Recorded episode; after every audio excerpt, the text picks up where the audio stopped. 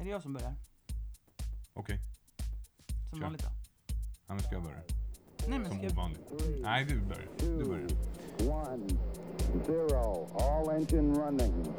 Liftoff. We have a liftoff. Välkommen till Holistic-podden med Anna och Nicky. Podden som handlar om delarna som utgör helheten. Så är det. Ja, hej Anna. Hej Nicky. Hur, eh, hur är läget? Ja, men det är bra. Alltså det känns ju... Känns ju kul att vara tillbaka i poddstudion. Äntligen. Mm, verkligen. Eh, jag brukar ställa frågan till dig, hur har du haft det sista veckan? Men nu har det gått så många veckor så jag får nästan fråga, hur har du haft det sista tiden? Och varför har du inte poddat? Oh, tack för att du frågar. Mm. Ja, det finns ju massor med anledningar till det egentligen. Eh, jag vet inte hur djupt vi ska gräva. Men eh, en del är ju att jag fick nya höfter Ja, för tre och en halv månad sedan. just det. Mm. För jag tror sista poddavsnittet spelade vi in, eh, vi hade varit i Idre. mm. Och så spelade vi in ett avsnitt om dig. Yes. Faktiskt. Och det Ja. tror jag var det sista som vi släppte ut. Ja. Faktiskt. Eh, och strax efter det så åkte du till Belgien. Mm. Ja, och skaffade nya höfter. ja. Jag har alltså genomgått en så kallad ytersättningsoperation som av någon outgrundad anledning är ganska kontroversiell bland svenska ortopeder. Det enda jag kan tolka det som är att de inte är tillräckligt duktiga på den här metoden, vilket gör att man hellre utför de, det man brukar göra. Så jag har alltså fått, jag har metallhöftleder. Jag har Mm. ersatt mina broskytor med kobolt och kromdelar. Hur känns det? nu för tiden när folk frågar mig de senaste, veck- senaste par veckorna så frågar jag så här, hur, hur har det gått med höfterna? Då hajar jag till för så här, liksom tänker till några sekunder. Höfter? Ja, ja, just det. Jag har opererat mig. Jag har ingen verk whatsoever i mina höfter. Jag känner inte ens av dem. Och det var väl ett av de absolut jobbigaste grejerna, att du hade så jädra mycket verk. Jag har haft sjukt mycket verk. Mycket, mycket, mycket mer verk än vad jag har Alltså som har berott på det här än vad jag har accepterat. För jag har ju tänkt att det beror på massa andra saker. Men Mm. nu när jag märkt vad som är borta. Mm. Så jag, wow, det hade ju med det här att göra. Mm. Tycker att det var värt det? Det var 100% värt det. Varför åkte jag till Belgien och göra det? Jo, Dr. Koen de Smet, hippkungen. Han är ju, han, är, han, han räknas som världens bästa höftkirurg. Och det var anledningen. Jag menar, det fanns inget alternativ. Jag bekostade det själv. Jag förväntar mig inte få tillbaka några pengar från Försäkringskassan. Jag hoppas det. Eftersom jag, jag är tillbaka på banan igen. Jag kommer inte bekosta samhället någonting just nu. Nej. Och ja, men det var så värt det. Men det innebar ju att jag var tvungen att åka iväg. Och jag drabbades tyvärr också av en infektion i en av mina höfter. Vilket gjorde att jag var tvungen att åka tillbaks till Belgien i två veckor till. Det var Ja. ju jävligt otippat. Och där blev det ju lite körigt, därför Mm. att eh, om vi ska prata lite grann om hur det har varit för mig Ja, och dig och hur gärna, det blev sammantaget. Ja. Så hade vi, vi hade lite planer på att vi skulle eh, fixa till det med en podd ändå. Ja. Mm, men precis samtidigt som du drog iväg Mm. så blev min mamma svårt, svårt, svårt sjuk Mm. och inlagd på intensivavdelning. Mm. Så samtidigt som du stack iväg så rasade liksom hela världen för oss. Eh, och det blir ju som en chock. Det var helt ärligt fruktansvärt. Ja, det var fruktansvärt. Och först hamnar man liksom i absolut chock och försöker bara hantera allt eh, det praktiska. Mm. Att, att vara på sjukhuset, att eh, försöka få fram vad det kan vara som har hänt. Och, Mm. eh, och efter en chockfas så hamnar man i reaktionsfasen. Och där för mig blev det ju så att jag kunde inte sova, jag kunde inte äta. Man mår ju som skit, helt ärligt. Och just precis då så åkte du bort. Så samma Mm. dag som du låg på operationsbordet Mm. så låg min mamma på intensiven och man visste inte riktigt om det skulle gå överhuvudtaget. Nej. Och den här massiva stressen var ju inte toppen precis. Nej, det är ju och om man ska berätta för lyssnarna lite, lite grann Mm. så är det ju så att eh, hon drabbades av TBE. Ja, precis. Och TBE är alltså en fästingburen hjärnhinneinflammation. Så för alla som inte har vaccinerat sig mot eh, mot eh, TBE, se till att göra det. Framförallt om ni bor i riskområden. Eller om ni ska tänkas vistas i riskområden. Nu är det så att eh, din mamma inte kunde ta den av olika anledningar. Det här vaccinet. För Nej. hon, kan, hon har inte varit skyddad. Men... Eh, hon fick inte vaccinera sig. Nej. Eh, på grund av andra, på grund av lite olika saker. Mm. Så att, och då är det så här, TBE kan drabba på lite olika sätt. Mm. Vissa personer kan få TBE och det, inte veta om det. Det går symptomfritt förbi. Eh, andra personer kan få det och få ont i huvudet och sådär. Och, och sen finns det då alla grader upp till det som min mamma drabbades av. Ja. Nämligen att man tappar precis alla funktioner i hela kroppen. Värsta tänkbara scenario. Ja, eh, och då blev det ju ja, men, chock, kaos, kris. Du var där Mm. och all den uppmärksamhet som jag hade tänkt att ge till dig, att pusha dig och supporta dig, det gick ju liksom inte. Eh, utan vi fick ta hand om varandra på hemmaplan och Mm. finnas vid mammas sida. Mm. Eh, och sen var du borta och sen kom du hem. Mamma låg kvar på sjukhuset. Ehm, och du var inte så pigg när du kom hem. Helt nej, ärligt. Nej, det var jag inte. Jag var ganska- pigg i, i kroppen på ett sätt, men det, jag kände, det var någonting tokigt. Eh, och det gick ju bara några dagar egentligen så märkte man att det är någonting som inte riktigt stämmer. Ja. Och efter en vecka så blev du inlagd på sjukhus. På, på ortopedakuten intensivt med en sänka på 220 och 40 graders feber. Ja, och så fick, eh, och sen dagen efter så fick jag i stort sett komma och hämta dig och liksom i ilfart köra till Arlanda Mm. med dig. Mm. Och då var det helt knasigt för jag hade först varit uppe hos mamma för att titta till henne och hennes läkemedelslista och sen bara fort som fasen hämta upp dig, skjutsa dig till Arlanda. Eh, och du var ju i ett uselt skick just då. Jag mådde riktigt dåligt. Jag var riktigt eh, ledsen. Jag kände det var mycket existentiell liksom, ångest på något sätt som drabbade mig för att jag Alltså upp som en sol och ner som en pannkaka var det. Ja, du var jätte, jätteledsen, Ja. du hade 40 graders feber och Ja. såg ut som en uteliggare. Ja, och när jag kom till eh, Belgien, till Mm. Gent äntligen, efter att ha flugit med den här febern i fastande tillstånd och väldigt dimmigt just den biten. Kom Mm. ner, då hade jag nästan 300 i sänka och ännu högre feber, över 40 grader. Mådde som skit. En timme senare, när jag kom in på akuten, så sövde de ner mig. Så jag vaknade upp klockan 11 och mådde ungefär 100 gånger bättre direkt. Men hade ju ont av att vara spak liksom. Och det var ju toppen. Ja. Och då är det viktigt för dig att stanna kvar där för att antibiotikan skulle verka. Ja. Och sen att du dessutom skulle stanna kvar där för att se att övertrappningen från intravenös antibiotika till tablettform Mm. också funkade bra. Mm. Så du blev kvar då i två veckor till. Ja. Under de här två veckorna så hade jag ju hunnit utveckla fulla panikattacker som kom med fördel på natten. Ja. Och det är inte jättekul att vara liksom ensam vuxen hemma med tre små barn när man inte får varken äta eller sova eller ja, och mår så jädra dåligt helt enkelt. Nej, det var så dålig timing på allting under augusti-september så att jag har nog aldrig varit med om maken tidigare. Nej, det var jobbigt. Men sen Ja. kom du i alla fall hem så den första månaden där blev ju sinnessjukt jobbig. Mm. Och att spela in någon podd fanns ju inte på kartan Nej. helt enkelt. Utan det blev ju bara krishantering Mm. av allting. Vi gjorde ett försök men det blev inte bra. Nej, Nej. precis. Det var för, Ja. det var för too soon. Ja, det var tusen. Ja. Så var det verkligen.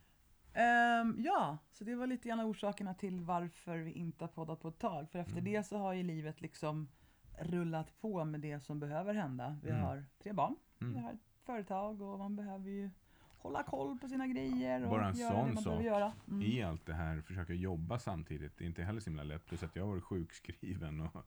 Nej, det, det, ja, Skithöst. skithöst. Helt ärligt. Ja. Det kan vi fan... ja, för grejen är det här också med att vara sjukskriven när man är egenföretagare. Det Ja. är ju ett skämt när man väl... Nu har ju inte du behövt vara det.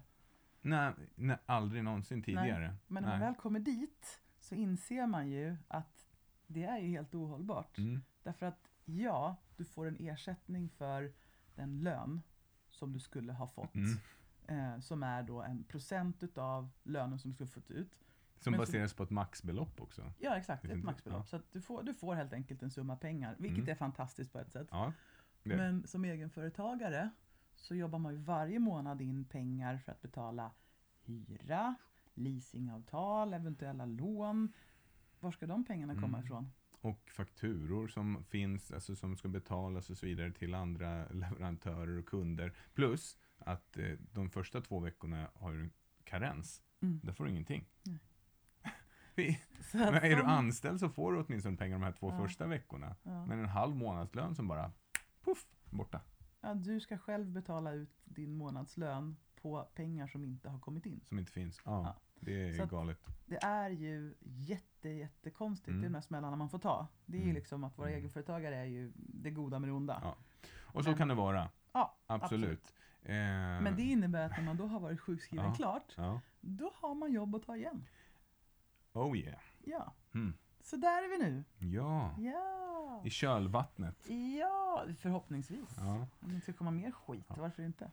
Vill man följa min eh, liksom, lite resa sådär så kan man gärna gå in på min eh, Instagram-profil som heter Oakley Smiths. Oakley Smiths, eller sök på mitt namn, Nicola Tramontana. Du brukar göra hälsoriddaren, men du har alltså gjort det i Ja, men det, jag gjorde det privat för det här var mig privat kände jag. Mm. Eh, men ni kan också söka på Night of Health på YouTube. Night of Health, det är hälsoriddarens YouTube-kanal. Eh, och där har jag gjort lite längre videos och berättat om den här metoden och sprid det. Sprid det till hela världen. Alltså det finns saker att göra eh, som gör att man inte behöver ha några restriktioner för resten av livet. Jag kommer förmodligen börja köra karate igen om, några om ett par månader kanske. Lite försiktigt.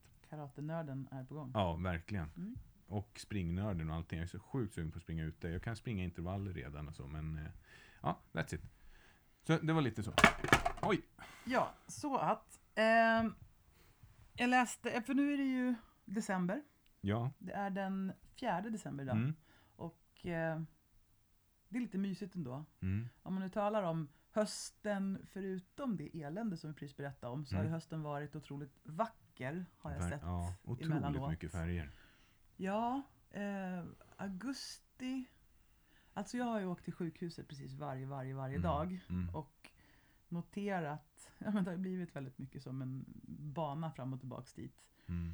Och noterat liksom hur världen har sett ut. Och i augusti så var det ju varmt och vackert och det blomstrade. Och i september och oktober så var det ju färgexplosion utan dess like. Mm. Och så, så vackert med allt det här. Det blev väldigt mycket gult i år. Mm. Ehm, Det håller jag med om. Det är och kort sen gult. kom ju november. Och jag gillar ju november. Jag kan inte låta bli att tycka om den här månaden som är så melankolisk. Den är så dyster, grå, brun, eh, foggy. Vad är det du gillar med det? Jag tycker det är fint. Jag tycker det är otroligt stillhet och eh, drama över november. Tydligen var det tio soltimmar i hela november. Ja, jag har hört tre till och med. Men-. Ja. Eh, och sen växlade det över till december. Och det som är mysigt med december tycker jag är ju att det är den här nedräkningen. Liksom. Mm. Det är, det är okej att känna julkänslor. Man får tända ljus, köpa hyacinter, Mm. lyssna på julmusik om man nu gillar det. Mm. Ehm, och äta clementiner. Ah. Och så läste jag i tidningen så här i morse då. Mm. Larm. Spår av nervgift i var femte citrusfrukt. Det är så jävla patetiskt. Och det här, det här liksom för oss in lite grann på dagens ämne. Nyhetstorka? Nej, Nej. utan ämnet för idag är varför mår vi så dåligt när vi har det så bra? Ja. Och helt ärligt så behöver du bara slå upp Aftonbladet eller Expressen så, så tycker jag vi har ganska mycket av svaret där. Vilket jädra träsk av elände det är att läsa nyheterna. Ja. Det är så sjukt tråkigt. Ja, så, så apelsiner, ja, ska vi nog vara lite ängsliga för det också Mm, faktiskt. Eller citrusfrukter. Men det här är ju någonting, de lyckas ju skapa opinion. Alltså de lyckas ju på något sätt skapa en känsla av att samhället är på väg åt helvete. Och, ja, och det här är så exakt. jäkla... Det är så tråkigt därför att det är som en... jag minns en, eh, en... På MTV på 80-talet, Mm. Eller var det 90-talet, så finns det en, en låt som går ungefär så här. Television, the drug of the nation. Mm. Kommer du ihåg den? Ja. Ja, och det där är ju det här att vi pratar om den här hur massmedia hypnotiserar oss att få en alternativ sanning, en Mm. alternativ verklighet att, att liksom hänga upp livet på. Och vi kommer ju prata mer Ja. om det sen. Ja. Och, men, men det är ju, ja, läbbigt. Så varför mår vi då så dåligt när vi har det så bra då? Det ska vi prata om idag. Ja. Och om vi pratar om det, Mm. vad är det vi vill att det ska leda fram till? Varför gör vi den här podden? Ja, jag tänker att det ska leda fram till lite nycklar Mm. om vad vi kan göra för att faktiskt må bättre. Mm. Eller hur?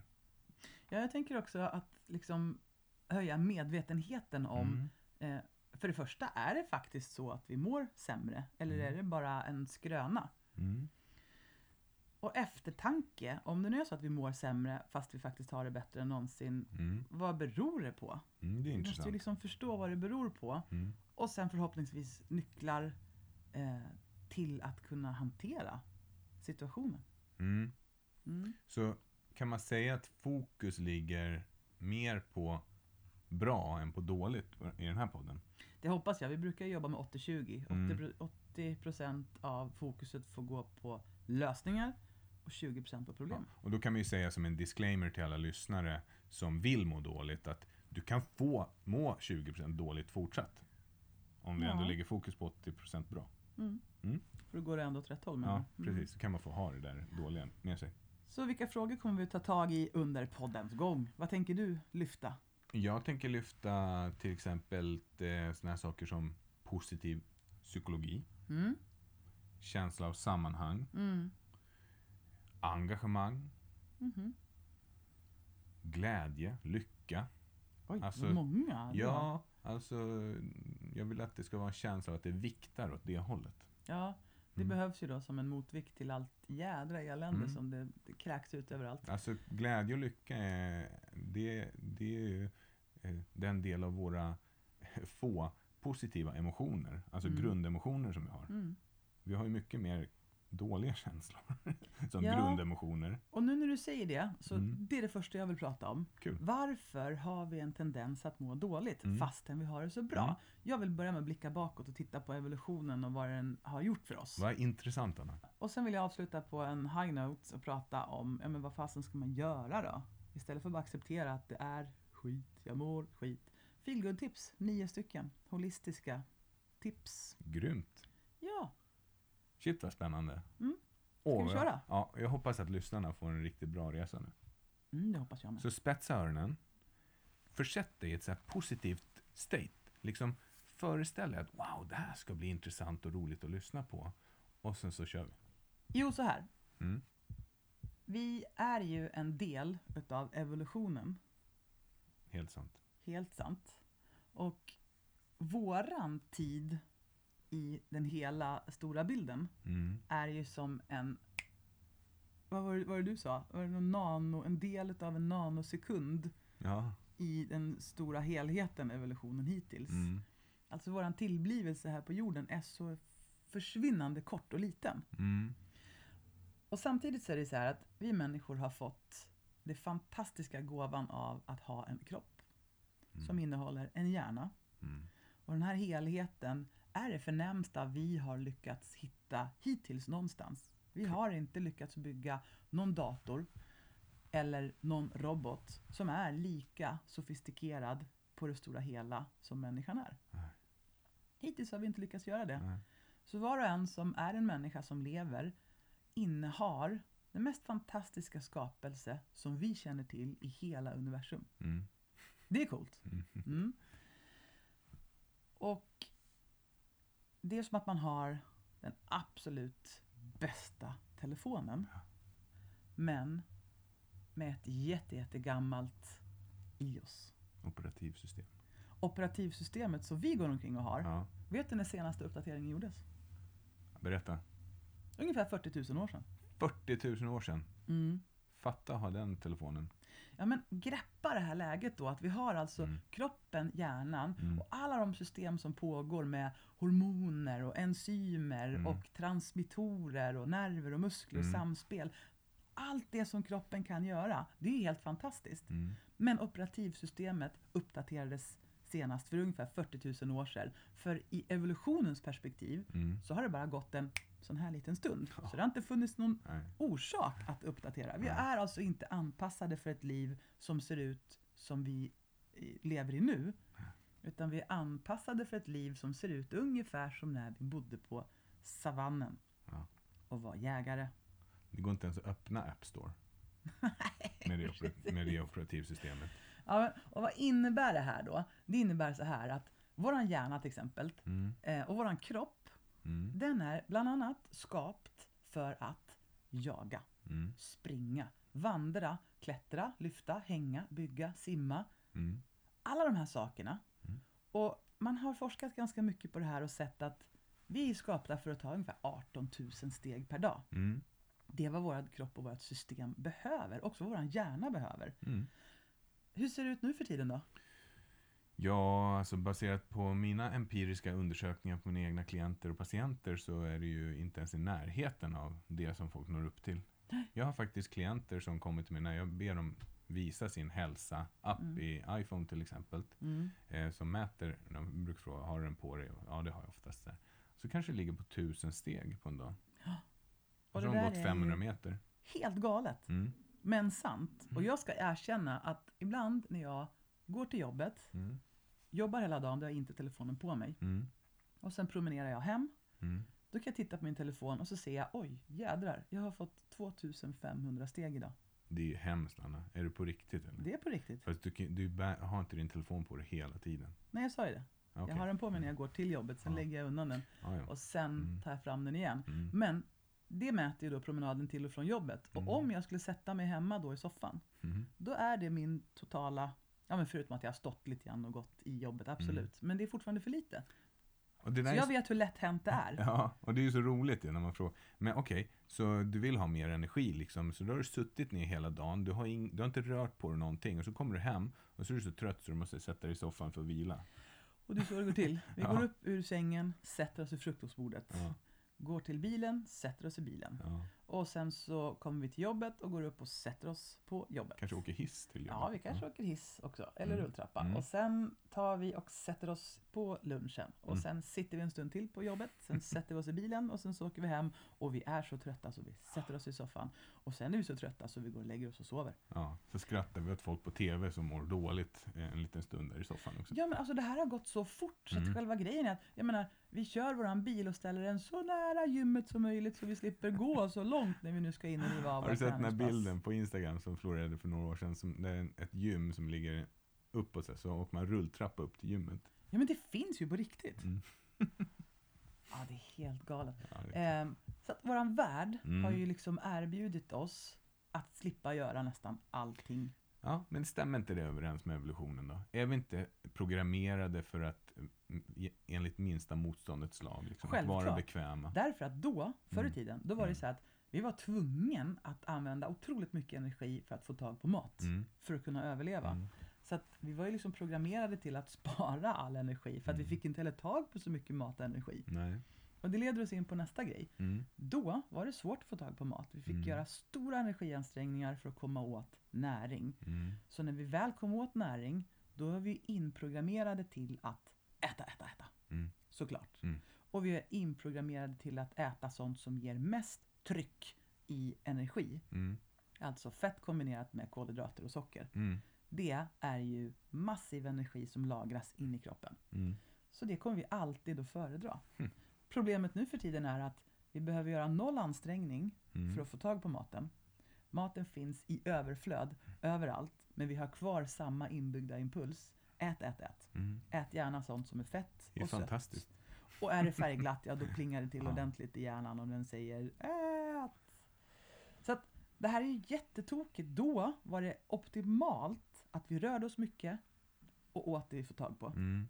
Nu rör vi oss nästan ingenting. Måste man gå någonstans då kan man ta en Voi, alltså Ja. åka. Ja. Ehm, men vi har mat överallt. Och våran mat som vi har nu för tiden innehåller mindre och mindre näring. Mm. Men definitivt kalorier och energi. Mm. Och det här leder ju då till de här välfärdsproblemen, inte bara i kroppen utan också i själen. Mm.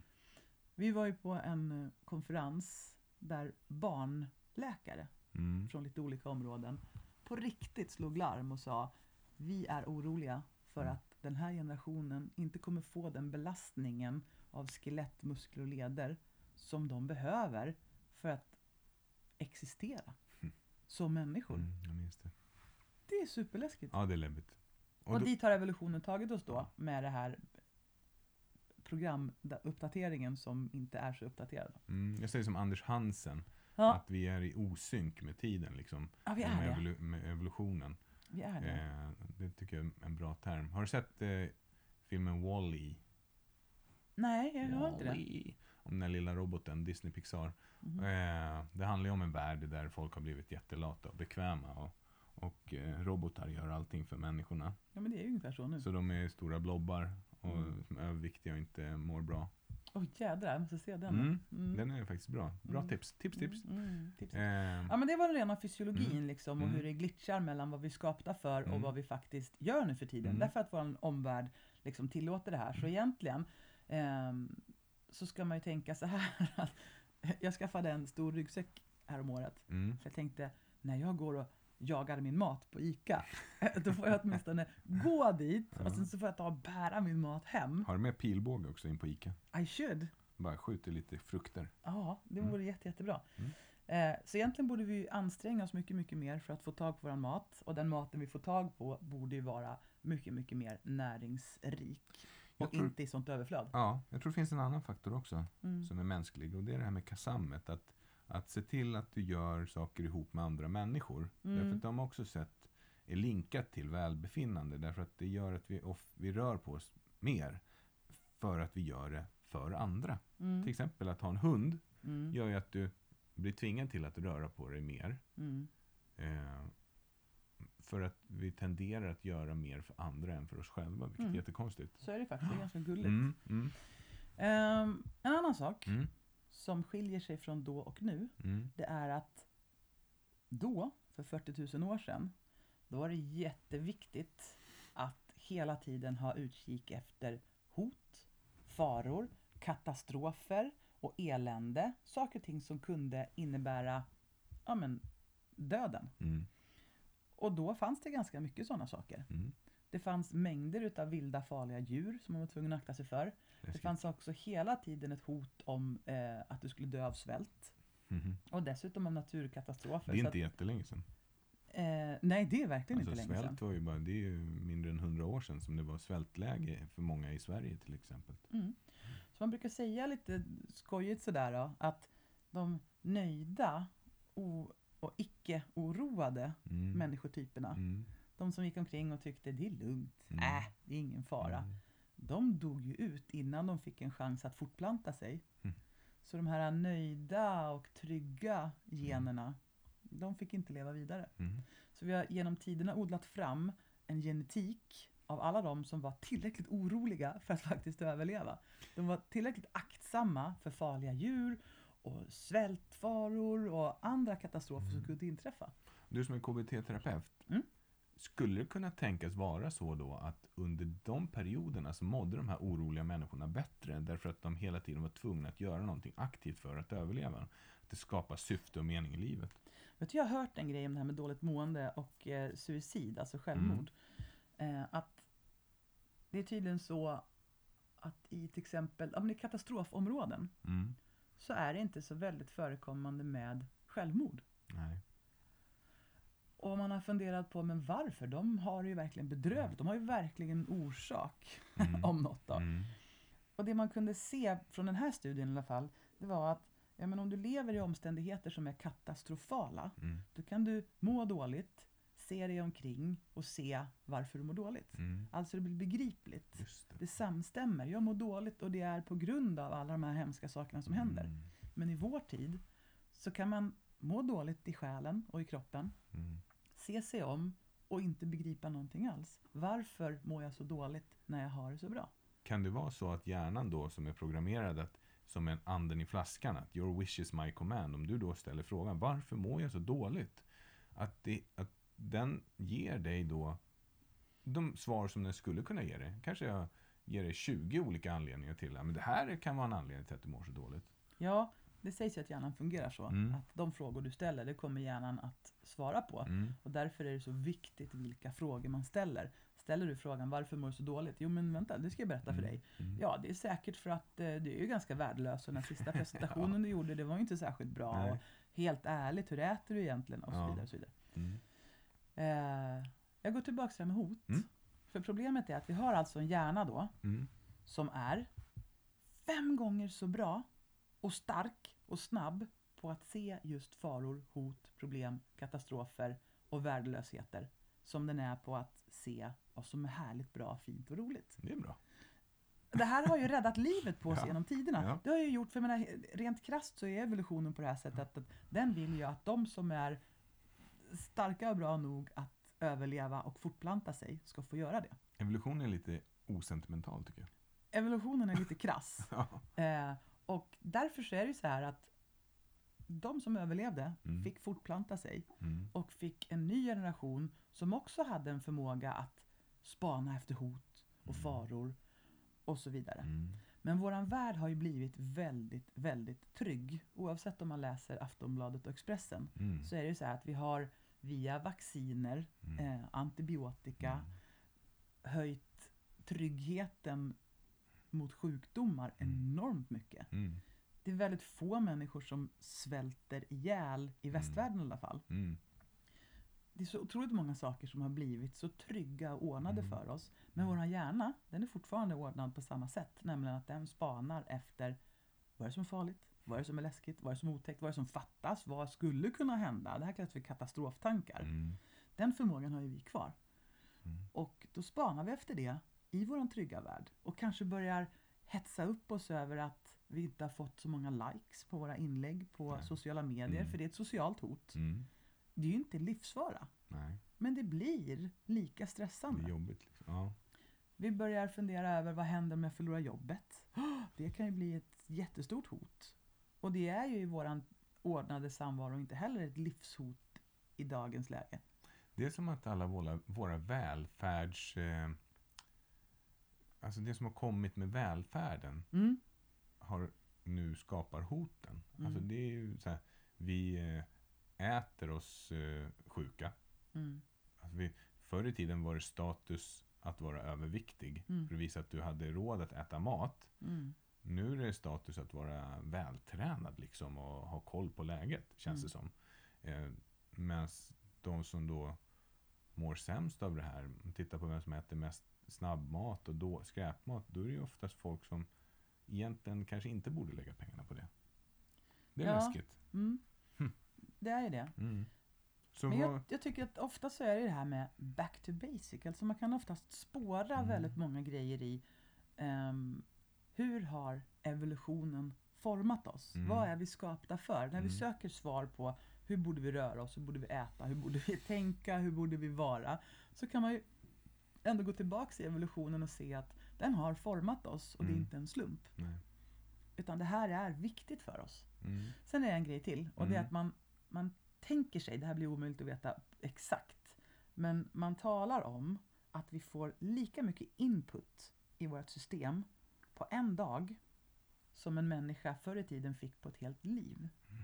Det är så oerhört mycket intryck som flödar in i oss. Mm. Vi tar in ungefär 11 miljoner bits per sekund i vårt system. Men, Men vi har bara en möjlighet att varsel bli 40. Vet du vad jag har hört att det motsvarar? Nej? Det är du vet, en sån här fyrkantig låda med kopieringspapper Ja? med A4-sidor. Ja. Fullskriven med text. Ja. Ah, Det är per sekund. Som eh, vårt sinne tar in. Och, och om man skulle jämföra med världens bästa dator som skulle kunna eh, liksom avkoda en sekund av tankar, ja. i, alltså perception för vår hjärna, så skulle det ta typ, jag minns inte om siffran var rätt, men ungefär 48 timmar Mm. för en dator att bara avkoda det. Mm. Och det sker varje sekund. Mm. Och då är det ju så här att vi har ett eh, filtersystem i kroppen Mm. som har förmågan att sortera. Kan du berätta om det här filtret då? då? För Mm. jag, jag fick höra när du pratade med någon läkare om det här. Så att, Mm. Nej, det har jag inte hört talas om. Det är ju liksom en struktur i vår hjärna till och med. Retikulära aktiveringssystemet, Ja. precis.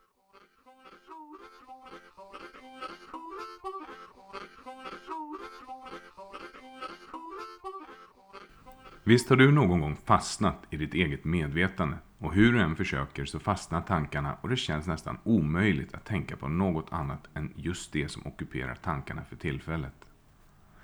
Som en oändlig loop, eller den där låten som bara spelas om och om igen i ditt medvetande, Eller den där känslan av panik, ångest, stress, ilska, besvikelse som bara inte går att skaka av sig.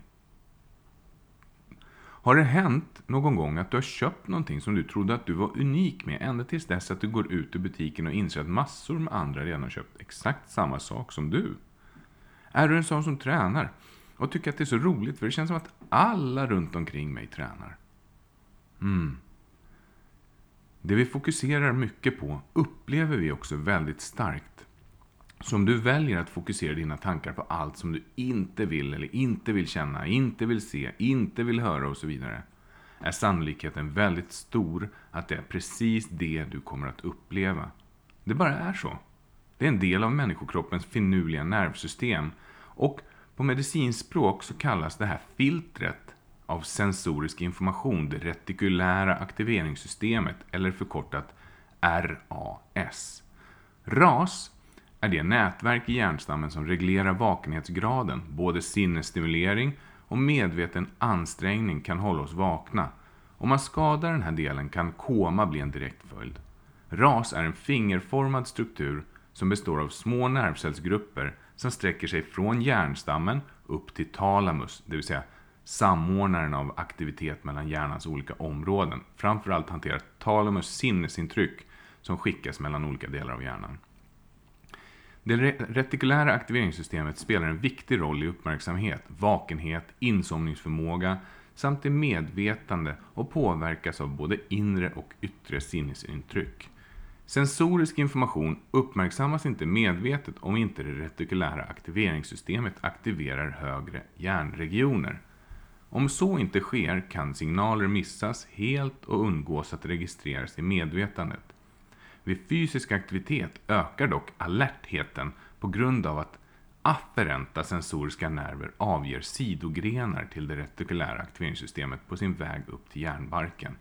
Det retikulära aktiveringssystemet skickar då vidare de här signalerna till storhjärnans bark, vilket leder till ökad alerthet. Så vad betyder det här i praktiken då, om man ska för, försöka förenkla det? Ja, har någon lagt märke till att du känner dig lättare i sinnet efter ett tufft träningspass? Eller att du plötsligt har varit tvungen att fokusera på något annat än det du just höll på med? Och att det är helt försvunnit ur ditt medvetande? Det är det retikulära aktiveringssystemet in action. Därför funkar exempelvis träning, gärna något som involverar stora delar av kroppen samtidigt, så bra för att ändra våra tillstånd. Samma sak gäller med exempelvis meditation, mindfulness eller något annat där vi tvingar in vår fysiologi till ett annat tillstånd. Det kan med andra ord handla om att ändra vår andning, kroppshållning, våra tankar och så vidare. Allt det hjälper RAS och talamus att ställa in filtret på det du vill fokusera på. Så lägg fokus på det du vill istället för det du inte vill. Tänk inte på en rosa elefant med blåa prickar. Hur gick det? Såg du en rosa elefant med blåa prickar? Var medveten om att det här är en fysiologisk funktion i, våra, i vår hjärna och det sker utan diskrepans det vill säga RAS struntar i om det är bra för dig eller inte utan reagerar bara på den information som kommer. Och kommer det för mycket av något så får inte det andra plats. Så where your focus goes, your energy flows. Sokrates lär ha sagt, hur man nu vet det här, men han lär ha sagt att the secret of change is to focus all your energy not on fighting the old but building the new. På grekiska då, såklart.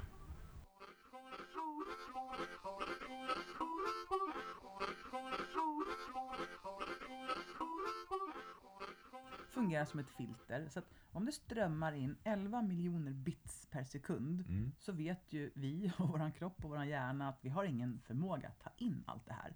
Utan vi tar in ungefär 40 Mm. välvalda delar. Mm.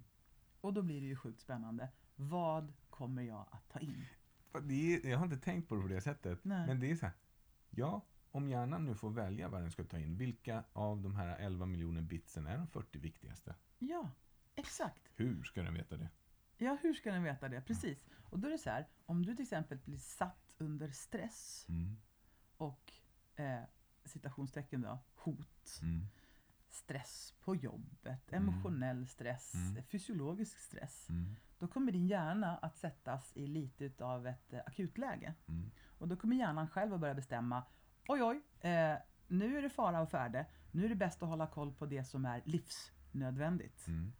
Mm. Och då kommer du tappa fokus på allt det här som inte är livsnödvändigt, det vill säga det som har med, med lycka och glädje och såna här saker. Det Mm. blir plötsligt överflödigt Mm. när det handlar om att rädda livet. Mm. Och då kommer du bli mycket, mycket bättre på att se vad är farligt? Mm. Vad skulle kunna gå åt helvete? Mm. Vad är det som är hotfullt? Och det här är ju ett av problemen när stressen ökar. Mm. Att då får vi ju mycket sämre perception, uppfattning mm. av allt som vi är med om.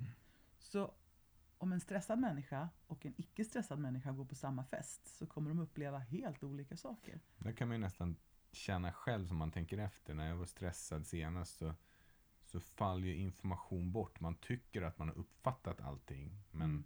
man gör inte det. Man hör inte allting, man ser inte allting, man känner inte allting. Nej. Ett Ja. kul exempel på det här är Mm. faktiskt när jag mådde som allra sämst 2011 och var tokstressad Mm. Och hade ångest och panik och väldigt mörka känslor. Då säger Mm. man också att man får en filterstörning. Mm. Du får en störning i det här filtret som gör att hålen blir lite större i filtret och släpper igenom mer saker. Mm. Vilket är utmattande förstås. Mm. Eh, och du släpper också igenom mer av de här hot och varningssignalerna. Och då, då fick jag som tips att läsa en bok som heter eh, Att leva ett liv, inte vinna ett krig. Mm. En fantastisk bok om eh, KBT, Mm. om acceptans och om mindfulness. Anna Kover va? Anna Kover, precis. Och så köpte jag den här boken, en grön bok.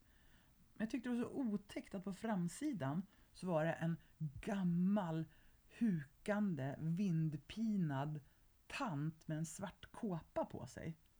Det såg ut som döden och sjukdomen, allt i samma kombination. Så jädra, varför har de valt den där framsidan? Otäckt. Ja. Och varje gång jag tog fram boken så liksom såg jag den här framsidan och bara Fan vilken otäck framsida det här är. Ja, det tyckte min hjärna. intressant att se vad du säger. Ja. Efter några månader när jag verkligen hade gjort allt det här man behöver göra och började må bättre och kunde ta in andra signaler så Ja. plötsligt en dag så såg jag att men det är ju inte alls läskig tant på framsidan. Utan- Det är ju en fridfull säl som sticker upp nosen. Jag tänkte så här, när du började prata om det så tänkte jag så här, Ja. vad, fan, vad, vad snackar hon om? Det är en säl. Ja. Men jag menar det. Och Okej. det här är ett Mm. typexempel på hur hjärnan i det fallet bara tittade efter läskigheter och hot och Wow. otäcka saker. Vilken klockren liksom, Ja, beskrivning av vad som sker. ja, och det här blir bara en metafor då för hur man tittar på Mm. sin familj, sin omgivning, sin arbetssituation. Man brukar säga rent krasst det här att vi är hardwired not to be happy but to survive. Mm. Vi är liksom, vi är skapta på så sätt. Ration 5-1 säger en hel del. Ja, ja, Men ja. det betyder ju inte att det är hopplöst. Nej, och jag, jag, jag skulle våga agree to disagree lite grann. Ja, berätta. Jo, men jag tror att vi är hardwired to survive. Mm. Men det är, det, det är inte liktydigt med att vi inte strävar efter lycka. Nej, men Alltså, det gör vi ju som ja. galningar. mm, men jag Det tror, är att, det vi gör hela tiden. jag tror att glädje och lycka är en av våra drivkrafter. Det är därför vi vill överleva. Vi vill känna glädje, lycka. Det är inte så att vi vaknar upp en dag och känner att åh, vad jag vill känna depression. Och Nej, men ångest. jag tror att det är det som ställer till det faktiskt helt ärligt. Mm. Att vi har de här förutsättningarna Mm, och vi vill känna lycka såklart. Det Mm. verkar ju alla vara överens om. Och vi ser oss omkring Mm. och ser att oj, ja, alla förutsättningar finns för att känna lycka varje dag. Vi har det så otroligt bra. Eh, vi har någonstans att bo. mm, Vi har tak över huvudet. Vi har ibland en familj i ett sammanhang. Vi Mm. har mat för dagen. Vi har pengar så vi klarar oss. förhoppningsvis. Vi har en sjukvård som vi kan gå till om någonting händer. Alltså vi Mm. har så många saker på plats. Ja, ja. Men omständigheterna i vår hjärna är fortfarande på så vis att hjärnan kommer att hjälpa dig att se elände, även fast det inte finns så mycket. Och här tycker jag att man kan knyta an till våra modell av det holistiska ledarskapet. Ja, Där våra delar med, våra, med, med fysiologiska strategier, psykologiska och relationsmässiga strategier. För att Mm. de, hela syftet med Form Holistics ledarskapsmodell, mm, livsmodellen, mm, det är ju att få människor att få känna mer välbefinnande, engagemang, känsla av sammanhang och flow i livet. Mm. Och jag tänker så här. Mm. Om du har en fantastisk eh, jättecool iPhone XXXXX. Den är 10 meter långa. ja, Mm, exakt. Mm. Eh, och inser att jag har en grym grej här men ett skitgammalt operativsystem. Mm. Ja men bara du vet om det Mm. och vet vart sitter buggarna. Då kanske du kan liksom hantera det här ändå. Och Mm. lite så tänker jag att vi kan se på våran hjärna och kropp och den här gamla uppdateringen. Att när nu vet om det här, Mm. ja men då kan vi liksom hacka koden. Mm. Och om de här 11 miljoner bitsen strömmar in och vid Mm. varse blir ungefär 40. Mm. Då är det ju faktiskt väldigt mycket upp till oss vilka 40 som vi kommer bli jättebra på att se. Mm. Jag är jättebra på att se att naturen är oändligt vacker. För det har jag tränat upp. Jag är jättebra på att se små glädjeämnen Mm. lite här och var oavsett hur dåligt jag mår. Mm. Jag kan se fina saker. Mm. För det har jag tränat upp. Jag är också sjukt bra på att eh, se katastrofer i allt. Mm. För det har jag tyvärr också tränat upp. Så jag är jättebra på att tänka katastroftankar. Och där får jag vakta mig själv hela tiden. Ge mig själv uppgifter just Mm. nu då. För att nu har jag halkat in i en grov period av stress. Mm. Och då kommer det här katastroftänkandet Mm. och smyger sig in i alla bitar i livet. Grådaskhjärnan. Ja, och det är ju så onödigt Mm. att spela upp biofilmer framför sig som ger en sjukt jobbiga känslor Mm. som inte har hänt och mest troligt aldrig kommer att hända. Nej. Så det här blir ju ett sätt då att varse bli och sen välja. Så vilka frågor du ställer till dig själv är viktiga för att kanske ta sig ur det där då, tänker jag. Ja, precis. Vilka frågor man ställer till Mm. hjärnan så här att eh, istället för att säga varför mår jag så dåligt Mm. så kanske man kan säga men vad ska jag göra för att få må bättre? Eller vad ska jag göra för att känna mer lycka i livet? Eller vad kan jag göra för att uppleva mindre stress i livet? Ja, skapa liksom... Eh, eh, det, skap, det tvingar in hjärnan i ett mera positivt eh, tänkande, eller lösningsorienterat tänkande kan man säga. Det måste inte vara positivt. Men att se lösningar. Verkligen istället. gör det ju det. Mm. Så vad är, vad är det som är så himla bra med att det här problemet har dykt upp just nu? Den vara- kan man också gå till, för det där tror jag jättemycket på. Vad, vad kan det här leda till Mm. som, som skulle vara bra i mitt Mm. liv? Mm. Ja, precis. Och bra och bra. Men jag tänker så här, men det här hemskheterna som hände liksom med min mamma och allt det. Mm. Det är ju helt omöjligt att säga att någonting är bra. Men jag väljer att tänka att om någonting så hemskt händer, Mm. då måste det finnas ett lärande i det här. Och det tänker jag ta vara på. Alltså livet går ju bara framåt. Det går ju inte baklänges. Så att det, jag tror att det är så att... Hittills i alla fall. Ja, man har ju inte uppfunnit någon tidsmaskin ännu. Förutom vårat Det blir år psyke. 3000, sen börjar det Mm. backa igen och så kommer Mm. folk må bättre och bättre. Verkligen, då, då startar det om. Det där kittlar din hjärna, du som Ah. älskar dystopier. Ja, Ja. allt sånt där. Det är intressant att läsa. Jag läser faktiskt en bok just nu som heter Future. Mhm. Som handlar om en framtid där man faktiskt har hittat eh, koden för eh, eh, alltså apoptos, att, att celldöd. Så man Mm. har stängt av eh, döden. Så man, kan, man har liksom Mhm. hittat ett sätt Wow. att människor lever för evigt. I Mm. princip. Eh, men de mår inte så bra. Nej. De mår inte så bra. För att eh, den här döden, liksom, det ställer till det för en. Det är en, det är en väldigt mörk eh, liksom story egentligen, där Europa är en stad. Mm. Egentligen. Det är helt enorma städer och ja, naturen är utraderad. Och, ja, sånt där. Ja, spännande. Ja, jag tycker det är bra, för att det skapar liksom en motpol till ens var- vardagliga liv. Mm. Ja, men Yes. du. Ja. Det här är ju, alltså det här med i och så med evolutionen och hot Mm. och sånt, det skulle man ju kunna prata om i evigheter. Ja, men Känner jag gillar förklaringsmodeller som känns sådär som att ja, men det här verkar ju ändå vettigt. Mm.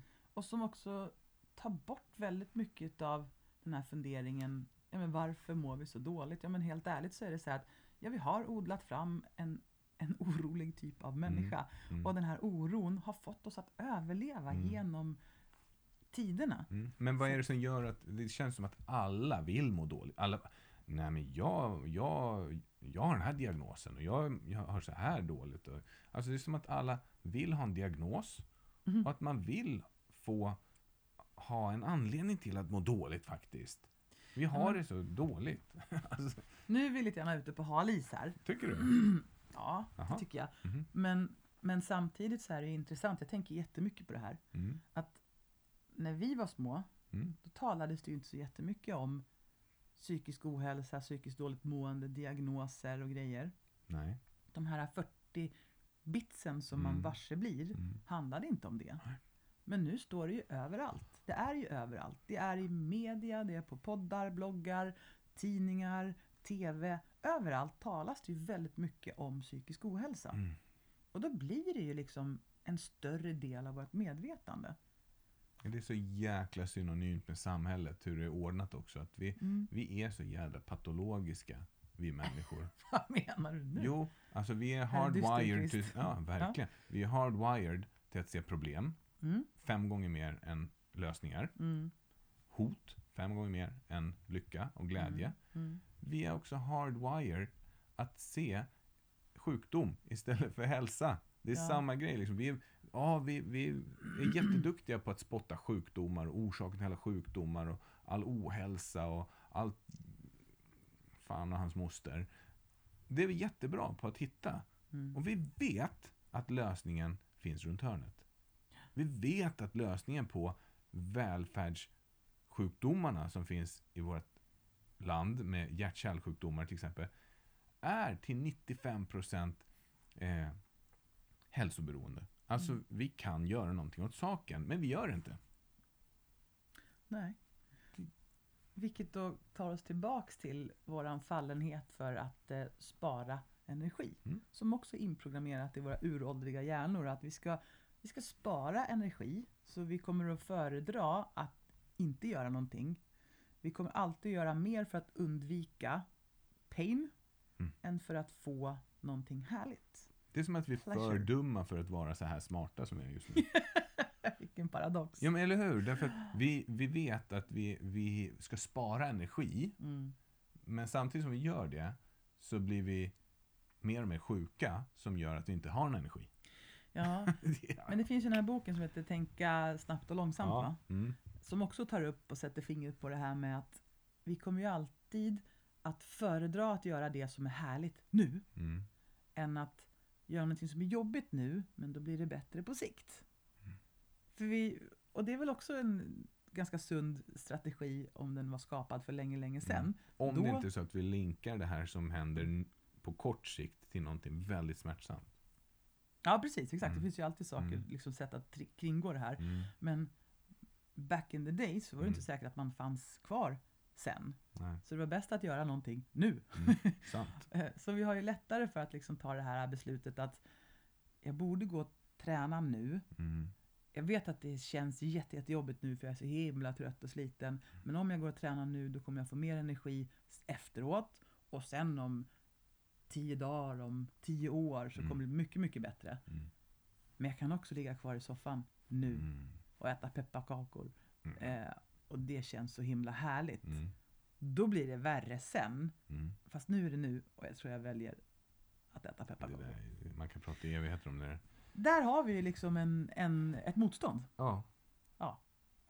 som inte jobbar för oss utan mot oss vad det gäller att göra långsiktiga bra lösningar. Mm. Mm. Mm. Så ska vi ta och kolla lite grann på hur det ligger till med folkhälsan? Jag tycker det. Ja, Mm. för jag var nämligen och tittade lite grann på Folkhälsoinstitutet. Mm. Du med, de, va? Ja, de är ju härliga. Jag har kollat på lite andra grejer också. Jag har några siffror jag med som jag skulle vilja presentera. Ja, Ehm, vill du börja? Ja, men okej, jag börjar med det. Det finns ju en, en inriktning kan man säga som heter positiv psykologi. Ja. Alltså, och det handlar, Ifrågasatt va? ja, lite ifrågasatt, men förmodligen av de som är ganska negativa. Ifrågasättande i alla Ja, fall. de som är ifrågasättande och negativa. Nej, det med positiv psykologi, det tycker jag verkar jättedåligt. Ja, men eh, hur som helst så är det så att man kan inte komma ifrån att man kan ha positivt tänkande och negativt tänkande. Det finns ju den här distinktionen däremellan. Mm. Bara att, att försöka tänka positivt om någonting som är dåligt Mm. från början, det funkar ju inte. Alltså det går inte att lura hjärnan på det sättet. Om du tycker att någonting är äckligt, då är det äckligt. Det går inte att säga ja det är jättegott och så äter man ändå. Foten i kläm, jajamän. ja, men det, det där går ju inte. Och så Nej. jobbar inte vi som coacher heller. Liksom. Åh, nu ska du komma till mig och så ska jag få dig att tänka positivt Ja, om nej. det här som du tycker är jättejobbigt. Nej, Nej. det är inte så. Utan hitta andra perspektiv. Det är det vad det handlar om. Och positiv psykologi handlar ju om det här också, att välja, aktivt att välja ändra perspektiv på saker och ting i tillvaron. Och i grova drag kan man säga att det handlar om faktorer som påverkar människans välbefinnande och lycka. Mm. Om man tar ur det perspektivet, finns det saker som påverkar vårt välbefinnande och lycka? Ja, det finns det. Det finns till exempel positiva emotioner. Mm. Det är ju eh, glädje eller att känna sig tillfreds. Till skillnad från de andra negativa emotionerna som man säger inom psykologin. Där till exempel vrede, avsky, avund och sådana saker finns. Mm. Eh, de är mycket jobbigare för oss att härbärgera och bära på. Mm. Glädje och tillfredsställelse, det känns inte betungande. Det är nice att gå Mm. omkring och känna så. Mm. Och sen är det engagemang. Det är också någonting som påverkar vårt välbefinnande eh, och lycka. Får jag bara knyta tillbaka till känslorna? Ja. För jag har de här framför mig. Ja. Att vi har eh, positiva Mm. är ju glädje och nyfikenhet. Mm. Det är de två positiva emotioner som vi har. Mm. Neutrala, förvåning. Oh, fan. Sen har vi negativa och där har vi vrede, skam, skuld, ledsamhet, rädsla, avsky, avsmak. Det, är så, det här är emotioner eller grundkänslor som alla människor kan känna. Och där ser man ju att det är en övervägande del negativa uttryck för att kunna uttrycka sådana saker. Mm. En, två, tre, fyra, fem, sex, sju, åtta mot två. Mm. Ja, det är nästan fem gånger fler. Så man får jobba på lite. Ja, absolut. Förlåt, jag avbröt Ja, lite jo, så, och, och om man då tittar på de här grundkänslorna och ser vad kan vi göra då för att känna mer glädje, och nyfikenhet och tillfredsställande? Mm. Ja, till exempel engagemang. Hur engagerad du känner dig, hur mycket engagemang i livet du känner som individ i Mm. olika aktiviteter som du utför. Där kommer till exempel jobbet in med arbetsglädje. Att Mm. hitta arbetsglädje för att få må bra i livet. Ehm, Det har med dina relationer att göra. Inte minst till dig själv. Och återigen vill jag knyta till våra modell som vi jobbar med när vi är ute och föreläser och jobbar med företag och organisationer. Då är det så att vi har ju nycklarna till det. Vi har skapat en modell som faktiskt fungerar på helheten för att skapa mer lycka, tillfredsställelse och glädje i livet. Yes. Relationer, alltså människor med rika sociala relationer visar sig må bättre än andra. Om man har bra relationer i livet så mår man bättre. Meningsfullhet, att känna mening i livet är superviktigt. Att man har ett syfte med livet. Och liksom någonting som känns meningsfullt. För att det här kan skilja sig. Det är inte säkert att det som känns meningsfullt för mig är meningsfullt för dig. Eller för dig som lyssnare. Vi kan ha helt olika meningar med livet. Ja. Eh, och sen att få känna att man faktiskt får lyckas emellanåt med saker och ting. Att få komma till avslut, att få göra någonting bra och sen säga till sig själv, det där var bra jobbat. Därför vet jag att det är så bra att man jobbar med små korta delmål. Mm. Det kan vara eh, dagsmål till och med. Att eh, idag så ska jag komma ut på en promenad. Bädda sängen. Medan det är ljust. Jag ska gå i tio minuter. Mm. Och att sen få se att ja, jag lyckades med det. Ja, men då gäller det också för sig själv att bekräfta det. Mm. Jag lyckades med mitt mål. Det behöver inte vara så stort som du säger. Men Mm. bara att man bekräftar sig själv och säger, ja, nu lyckades jag med det som jag hade förutsatt mig själv att göra. Mm. Och så gör du det flera gånger om dagen. Man har också mätt, istället för BNP som ju mäter människor, eller jag vet det, länders eh, välmående kan man säga ur ett ekonomiskt, socioekonomiskt perspektiv, Mm.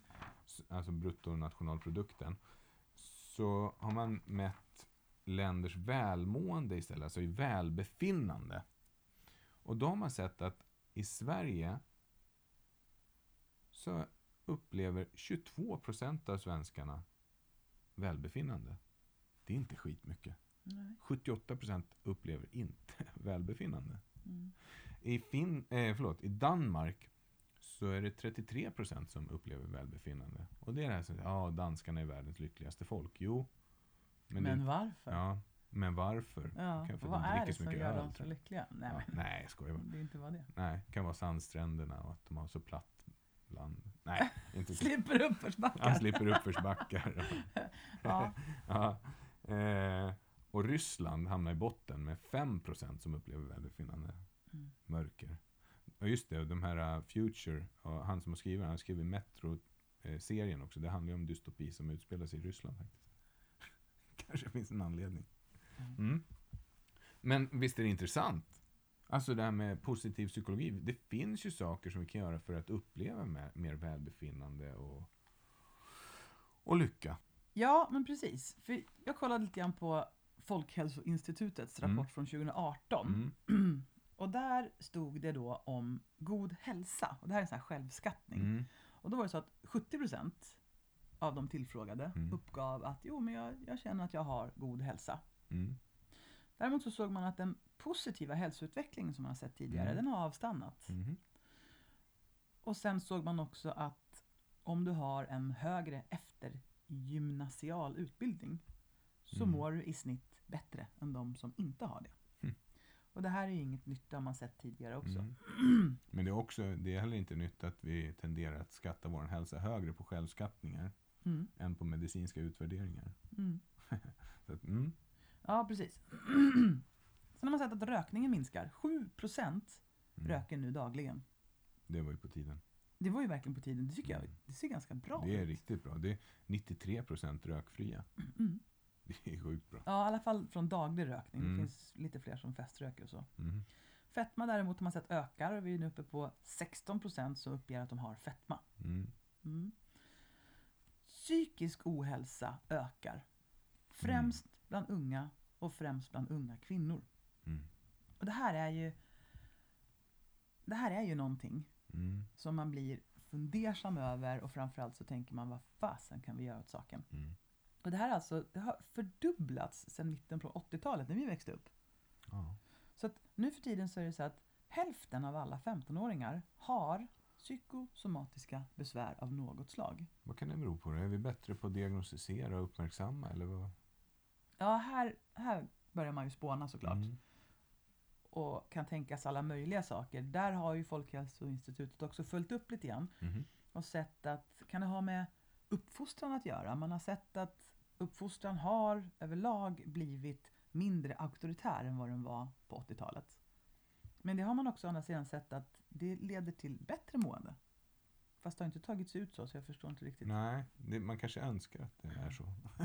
Ja, Ja. precis. Mm. Och sen har man också sett att ja, vi använder väldigt mycket skärmar just nu, men man har hittills inte fått något klockrent samband på att det är det som är problemet. Utan man har sett att skärmanvändandet ger både negativa men också positiva följder. Mm. Så där har man inte heller fått något konsensus. Mm. Däremot så ser man att skolan Mm. Påverkar ungas mående enormt mycket. Det här tycker jag är viktigt. Ja, och den berätta. omdaning som man också har gjort i skolan. Man har ju gått igenom ganska många reformer de senaste åren. Sen Mm. vi gick i skolan har det hänt väldigt mycket. Ja. Och jag tror helt ärligt att det har påverkat dem som de vuxna i skolan enormt mycket också. Det var ju mer släpp, slapphänt liksom när vi gick i skolan. Det var inte så jävla... Ja, men det var, det Ja, men mindre så... administration, kan vi inte säga så? Mindre administration för lärarna, absolut. Ja. Och för, för oss elever så var det också lite så här att ja, men det, man lärde sig lite saker och det var, men det, det var en ganska trevlig atmosfär i skolan upplever jag det som. Det var inte så jädra inte så fokus på prestation. Och, Nej, det var inte så komplicerat. Det var Nej. mycket enklare att förhålla sig till Ja. tycker jag. är du Jag hade en- halvbra på matte, då finns det allmän matte. Okej. Ja, jag tycker att det var enklare. Mm. Eh, Jag hade en lärare som var jätte, jättebra. Duktig, engagerad, rolig, bra på att lära ut. Och hon jobbade som lärare väldigt, väldigt länge. Mm. Men sen till slut så valde hon att kliva av läraryrket. Mm. Och så sa hon så här. Ja, själva yrket och tiden med barnen är fantastisk och det Mm. tycker jag jättemycket om. Mm. Men alla de regler och den administration som har tillkommit de senaste åren så känner jag att det inte är värt det. Och det där tycker jag är så jädra tråkigt för det är inte Mm. bara läraryrket. Jag pratade med en undersköterska häromdagen som Mm. sa att det är samma sak i vården. Mm. Själva vårdandet och människokontakten är helt fantastisk. Men det har tillkommit så otroligt mycket administration.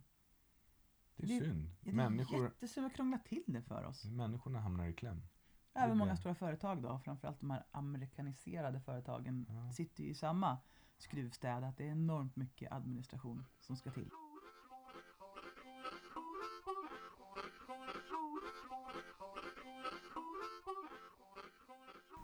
Här kommer lite fakta från Folkhälsomyndigheten. Vad är psykisk hälsa och ohälsa? Psykisk hälsa är mer än frånvaro av psykisk sjukdom. Psykisk hälsa är ett tillstånd där en person känner ett psykologiskt välbefinnande, kan nå sin fulla potential, hantera vardagliga motgångar och leva sitt liv i värdefulla sociala sammanhang och bidra till samhället. Bara personen själv kan avgöra i vilken utsträckning han eller hon har psykisk hälsa. Psyk- Psykisk hälsa är inte heller med nödvändighet ett statiskt tillstånd. I själva verket kommer de flesta att uppleva både psykisk hälsa och ohälsa under en livstid. Och även personer som drabbats av en psykisk sjukdom kan under rätt förutsättningar uppnå psykisk hälsa. Psykisk ohälsa är ett begrepp som innefattar allt från psykiska besvär som stör välbefinnandet och påverkar våra dagliga liv till psykisk sjukdom. Det är ett vitt spektrum av tillstånd av olika karaktär och definieras antingen av en individs upplevelse eller som ett kliniskt definierbart sjukdomstillstånd eller en kognitiv funktionsnedsättning. Varannan svensk kommer någon gång i livet att drabbas av psykisk ohälsa. WHO, Världshälsoorganisationen, räknar med att psykisk ohälsa kommer att stå för den största sjukdomsbördan i världen år 2030. En folkhälsoutmaning av den här magnituden kräver att hela Sverige prioriterar arbetet för just psykisk hälsa. Psykisk hälsa är hela samhällets ansvar. Det är viktigt att fokus ligger på vad vi kan göra för att må bättre. Inte bara fokus på att vi mår sämre. Folkhälsan i sin helhet har förbättrats under de senaste decennierna och de allra flesta uppger att de har en bra eller mycket bra hälsa, alltså fysiskt oftast. Dessvärre gäller inte det den psykiska hälsan. Den psykiska ohälsan med besvär som oro, ångest och sömnproblem har tvärtemot ökat sedan 2000-talets början och ökningen har skett inom alla grupper, såväl barn och unga som bland vuxna och äldre. Staten har länge haft olika satsningar på psykiatri och psykisk ohälsa. Sedan 1995 har staten satsat över 9 miljarder kronor för att stimulera utvecklingen inom området i kommuner och landsting och regioner. De satsningar som har gjorts från statligt håll har mestadels fokuserats på personer med omfattande behov. Det är en viktig målgrupp som behöver uppmärksammas även fortsättningsvis, men vi måste samtidigt också hantera den växande folkhälsoutmaningen som är psykisk ohälsa. Under 2015 tog regeringen initiativ till en översyn av statens engagemang inom området med ett tydligt syfte att inte blunda för någon del av de utmaningar vi står inför. Psykisk hälsa och psykisk ohälsa är inte olika spår, de är avhängiga av varandra. För att nå till en punkt där den psykiska hälsan blir en li lika viktig fråga som den psykiska ohälsan krävs att hela samhället ser problemen och bidrar efter förmåga. Vi behöver förstärka förebyggande och främjande insatser, erbjuda tidiga och effektiva insatser till de som drabbas och använda vår specialiserade, våra specialiserade resurser förnuftigt. Frågan om hur vi som samhälle kan motverka den negativa utveckling vi ser idag är en angelägenhet för alla. Så att så ser det ut lite grann i samhället. Och jag tänker också det här att ja, men, om vi omges Mm. av rapporter överallt om att det psykiska måendet är sämre Mm. än någonsin. Folk mår allt sämre, fettman går upp, Mm. Världen har blivit oroligare. Alltså alla de här rapporterna som vi får östa över oss varje dag. Mm. Ja men vad ska det bli då? Det är klart att man påverkas av det. Ja. Och det, det tråkiga är ju att eh, man har provat med så här positiva nyheter. Ja, Det går inte. nej, De överlever ju inte. nej och grejen är, för Rosling behövdes ju i vårt liv. Mm. han var, hade ju en tendens att samla ihop positiva fakta Mm. och översätta det i statistik som var åskådlig och Mm. begriplig. Mm. Så att man fick se att, ja men titta här får ni se, det har ju faktiskt blivit bättre, tryggare. Vi har för första gången någonsin en situation där vi faktiskt har resurser nog att föda hela jordklotet. Om vi fördelade dem. Nu gör vi ju inte det. Mm. Men för första gången någonsin i världshistorien så har vi resurser nog att mätta alla munnar på hela jorden. Ehm, kvinnor får bättre förutsättningar. Eh, utbildningen till jordens barn blir bättre. Eh, vaccinationerna sprids och sjukdomar går ner. Det är ju många saker som blir bättre, men precis som han sa också att när en utveckling går så långsamt Mm. så blir det ingen nyhet.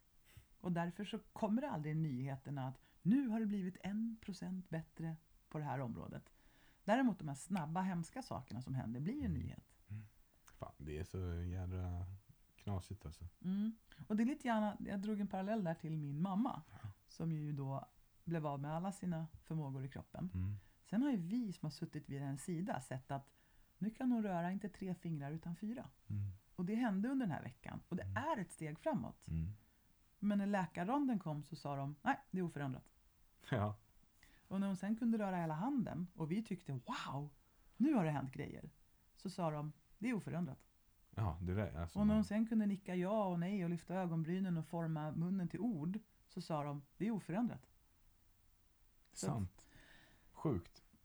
Det gäller att hålla koll på de här små grejerna som faktiskt blir bättre för de försvinner lätt i allt elände som vi omges av.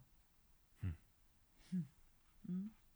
Så tänker jag. Makes jag tänker you think. dessutom att jag vet inte hur det är att vara ungdom nu för tiden och veta att den kompisen har den diagnosen, den kompisen har den här diagnosen och min andra kompis hon äter den här medicinen och den tredje kompisen tar den här medicinen och min femte kompis är hemma från skolan för att den inte trivs.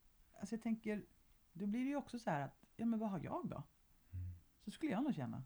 Blissfully ignorant. Alltså, jag tror att, att man kan vara tacksamt omedveten om vissa saker. På 80-talet.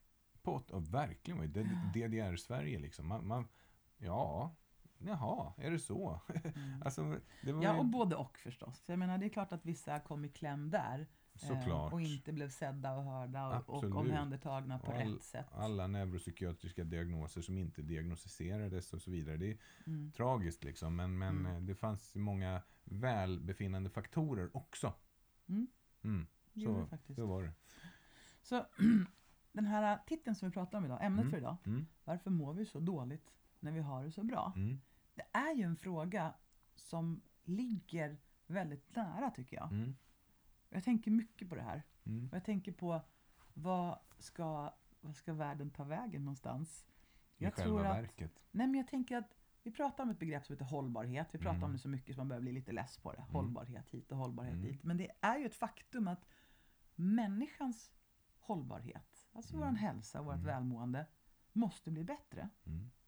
Och världens hållbarhet, jorden, miljön, klimatet, måste också bli bättre. Mm. Och nu börjar larmklockorna ringa överallt. Mm. Och jag pratade med en framstående professor och forskare i ämnet. Mm. Och han sa att det här kommer ha ungefär en trattform. Mm. Nu är vi ganska långt ut i tratten. Men vi kommer att tryckas in i en allt smalare tratt där vi blir tvungna till förändringar därför att vi har inget annat val. Nej. Och jag tänker att de här två sakerna går hand i hand. Jag tror att människans hälsa och hållbarhet egentligen går hand i hand med miljöns hållbarhet. Mm. Om vi inte slapp göra allting så tror jag vi skulle må bättre. Alltså vi använder ett antal maskiner Mm. som belastar miljön Mm. för att vi ska slippa använda energin. Mm. Men svaret är att vi behöver göra de här sakerna med Mm. våran kropp, med vårt system. Och miljön behöver bli avlastad från det utsläpp som det här leder fram till. Det är som att vi behöver ett visst mått av motstånd för att må bra. Ja, men vi behöver förmodligen hugga ved, diska, laga mat, anst- alltså vara görandet. Jag tror att vi behöver det. Mm. Men vi har gjort oss av med de grejerna för att vi har moderniserat världen så mycket. Och de lösningar vi har kommit upp med belastar miljön fruktansvärt mycket. Kanske en av anledningarna till att eh, så många män oftast Mm. eh, tar upp lumpen som ett eh, minne som Ja. alltid kommer tillbaka. Därför att det var en... Eh, man fick kämpa lite och det kanske gav en, liksom, en känsla av syfte och mening. Jag tror det. Mm. Jag tror det. Det här är bara spånerier, men det är otroligt spännande att prata om. Ja. Och jag tänker så här att vad kommer att hända med människan? Låt oss säga att miljökraven verkligen skärps. Mm. Och vi blir tvungna att göra oss av med ett antal av de moderniteter som vi har blivit så bortskämda med. Vad kommer hända då? Det kommer ju vara en chock såklart, men tänk om folk plötsligt börjar må bättre då? Fan vad läskigt. Det är ingen slump att Anders Hansen har skrivit en bok som i stort sett revolutionerar där han säger, och jag fattar inte varför inte alla har hört det här, tre gånger 30 till 45 minuters pulshöjande Det, är, det finns ingen medicin i hela världen som slår effekterna av det på vårt välmående. För kroppen, hjärnan, själen, Mm. känslorna. Det är för jobbigt. Ja, ibland så säger ju folk att det är för jobbigt. Hörru, Mm. det här är spännande. Ja, det är jättespännande. Men jag tänkte vi skulle avrunda med nio stycken feel tips därför att eh, det är ju Som så här jag har att, längtat. Ja, för att det är ju inte liksom hopplöst. Det är inte så att det är hopplöst. Så här är det och vi kan inte göra någonting åt det, utan tvärtom. Mm, det är Så finns hoppfullt. det, ju, det är hoppfullt. Ja. Det är otroligt hoppfullt. Jag tror, om jag fick säga ett tips så är det back to basics. Mm. Får jag också ge ett bästa tips? Ja, Att skapa en... Eh, att tänka på hur du pratar inom dig själv. den är bra. En, en, en positiv inre dialog. Att du pratar med dig själv som en vän, inte som en Och där är det värt att anlita en coach en, Mm. två eller tre gånger. Mm. Man kan ju skypa med oss till exempel. Ja. För att liksom få fatt på det där inom Mm. sig. För det är inte så lätt att få tag på. Nej. Men man kan få hjälp av ett bollplank att få fatt på hur är det faktiskt jag pratar med mig själv. Mm. Eh, och vad kan jag göra åt saken. Och det är faktiskt kul också. Nu kör vi. Mm. Första tipset handlar om fysiologi. Mm. Och det är ju självklart, kom ut i ljuset och rör på dig. Det är så, så viktigt. Läs boken Hjärnstark så förstår du varför. Mm. Men att motionera eh, regelbundet är enormt stor hälsofaktor. Och jag löser alla mina problem när jag är ute och springer eller cyklar. Det är Mm. där liksom man rensar tankarna och får bättre känslor och bra uppslag och idéer. Men om jag, jag tycker inte att det är roligt och jag tycker det är så jävla jobbigt när jag är ute och springer och det är så jäkla tråkigt. Ja. Är Det har en effekt ändå. Är det roligare att må dåligt då? Nej. Nej. När man är ute i ljuset så stimulerar man också sin eh, dygnsrytm, Mm. den cirkadiska dygnsrytmen. Vilket gör att man, två, sover bättre. Oj. Vi behöver sova åtta timmar Mm. och vi behöver ibland ta mikropauser under dagen. Mm. Och där finns ett boktips till som heter Sömnkoden, Mm. som är en fantastisk och ganska ny och revolutionerande bok. Och sömn, sömn, sömn tycker jag. Ja, den är också bra. Christian Benedikt. Ja. Och vet du vad? Jag tycker begreppet är så himla bra. Det är det där att leva randigt. Mm. För det handlar ju om de här mikropauserna. Att, ja, men om du tänker dig en streckkod Mm. som du blippar på ICA. Eh, den är ju randig. Och på samma sätt så är det så att om- för varje, eh, om de svarta ränderna är aktivitet och där du har presterat och så är de vita ränderna återhämtning. Mm. Om du tittar på din dag på det sättet att när du har presterat någonting så behöver du också återhämtning. Prestera, återhämta, prestera, återhämta. Mm. Det kan inte vara så att varje dag är som att springa ett maratonlopp. Alltså det, blir ingen återhämtning någonstans. Utan se det mer som korta, korta intervaller med vila emellan. Så kommer Ja. du orka hålla högre tempo. Där kan man inte låta bli att titta lite grann på savannen när lejonet liksom går och jagar och jagar och spanar och springer som en galning, genomför en jakt, fäller ett djur, äter och sen ligger och jäser Mm. timmar. Mm. Det känns liksom som en naturlig Mm. lösning på något sätt. Mm. Så lev som en zebra. Randigt. Mm. Mm. Nummer tre. Det är att äta regelbundet och ren mat. Eh, jag brukar kalla det för real food movement. Alltså, eh, se till så att du äter mat som är mat och inte en konstruktion av en fabrik. Mm. Alltså, vi har protein, fett, kolhydrater. Och de här sakerna existerar i naturliga råvaror. Så om du plockar ihop lite av det här och skapar mat hemma, då blir det bra mat. Det, det är bra, en bra liksom, måttstock på det här, det är att du ser vad det är på tallriken Mm. när du äter ute. Och när du äter hemma, att du vet vad du har stoppat i maten. Pretty good. Ja, Mhm. enkelt, eller hur? Ja men det behöver ju vara lite enkelt och där älskar jag den här 80-20-regeln när det Mm. gäller mat. Mm. Att I veckan, eh, vår gamla för detta anställda Danne Ja, sa ju en av de bästa uttrycken någonsin. Från Keep Training i Uppsala. Grymt bra PT-studio. Mm. Ja, han var ju, är ju en fantastisk människa och Mm. han sa så här. Varje mål behöver inte vara en bal på slottet. Den är riktigt bra. Jag älskar det där. Ja. Och just i veckorna, nej det Jag behöver inte det. vara liksom en liten piruett varenda gång som man ska äta en måltid. En Utan ibland, så, ja. eh, utan ibland så är det bara liksom, nej men det är näring som ska in. Mm. Tjoffa in bara, in i, in i, vad säger man? Ja, In i kakhålet. ja exakt. Och då blir det desto mer njutbart när det är fredag kväll och man får käka räkmacka eller Mm. vad det nu kan vara för någonting. Och hur är ju då 80-20 i praktiken. Mm. Hellre ungefär rätt än exakt fel. Står Mm. du där i matkön på restaurangen på din slarvsylta eh, som du går och käkar lunch på dagligen och så tänker nu ska jag göra en förändring men det här är enda alternativet jag har. Det här är den menyn de har, det är inte särskilt nyttigt men vad kan jag göra som är ungefär rätt och inte exakt fel? Ja, man kanske kan ta mindre av någonting eller lägga till grönsaker och så vidare. Ja. Exakt, Jätte, Mm. jättebra. Mm. Nummer fyra Mm. handlar om att välja sina tankar och för Mm. att kunna göra det så behöver du använda begreppet SOAL. Nej, men du behöver åtminstone stanna upp Mm, och observera mm, vad är det för tankar som du tänker Mm. dagligdags mm, och vilka känslor ger de dig och Mm. vilket beteende leder det fram till. Så att välja sina tankar och vara uppmärksam på till exempel katastroftankar eller mm, väldigt mörka tankar om sig själv eller om sina möjligheter i framtiden. mm. Det leder ju faktiskt inte till någonting bra. Nej. Eh, och där finns det en liten story. Berätta. En indian satt och pratade med sitt barnbarn Mm, och han sa i alla människor så bor det två vargar som slåss. mm, Den ena är ond, den är ilska, fruktan, missundsamhet, avundsjuka, sorg, arrogans, självömkan, lögn, överlägsenhet och egoism. Den andra vargen är god. Det är glädje, fred, kärlek, hopp, lugn, ödmjukhet, välvilja, empati, sanning och tillit. Men vilken varg vinner? frågar barnet. Den du matar, sa den gamla mannen. mm, Mm, mm, I see. mm. En gammal känd historia, men jag tycker fortfarande att den är gångbar. Därför att om du väljer att mata tankar av katastrof, elände och oro varje dag, ja då kommer de att växa. Mm. Precis som det här uttrycket “where your focus goes, your energy flows”. Har du några praktiska tips på vad som kan skapa det här eländet då? Vad menar du då? Ja, men alltså, det är ju så här, till exempel nyheter är ju då en sak som kan skapa fokus på eländet.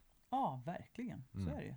Även att sitta och, om man sitter med ett gäng som har som vana att prata väldigt mycket skit. Mm.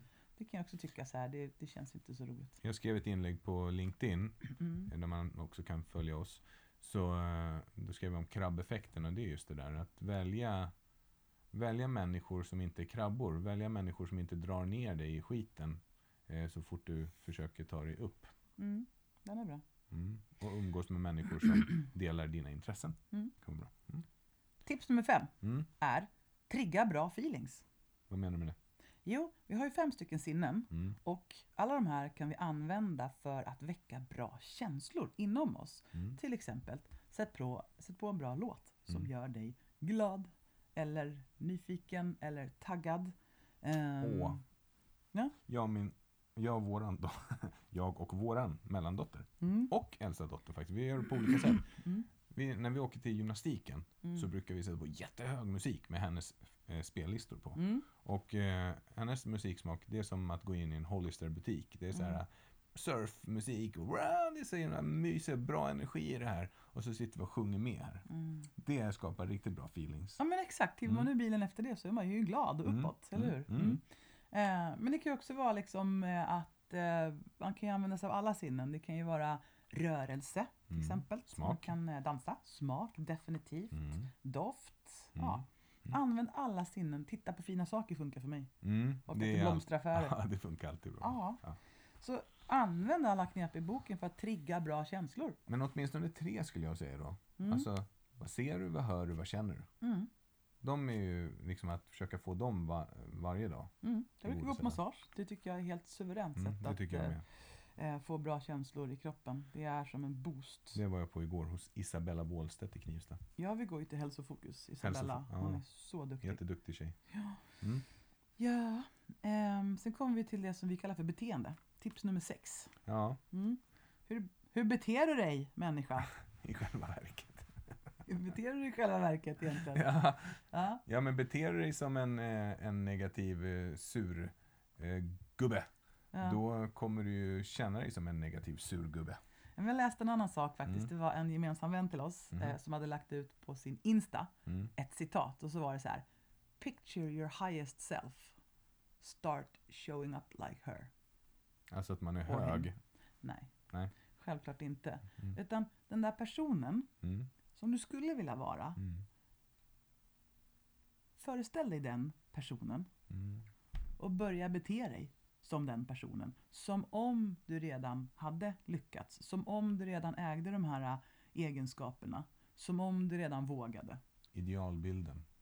Ja men, idé, men precis, men liksom den här personen som du vet att du kan vara, den här personen som du vill vara. Den här personen som inte kommer hem och dimper ner i soffan utan kanske säger Jag tänker sticka ut på min motionsrunda nu. Mm. Ja, börja bete dig som den människan. Börja bete dig som den här människan som inte väljer det sämsta på slarvsyltan. Mm. Utan stannar upp och tänker till. Jag vill mata min kropp med bra energi. Jag är en sån person. Mm. Jag är en person som är, som finns där för mina vänner. Var en ledare i ditt liv. Exakt, för nu kommer vi då till tips nummer sju. Som är jaget, relationen med dig själv. Mm.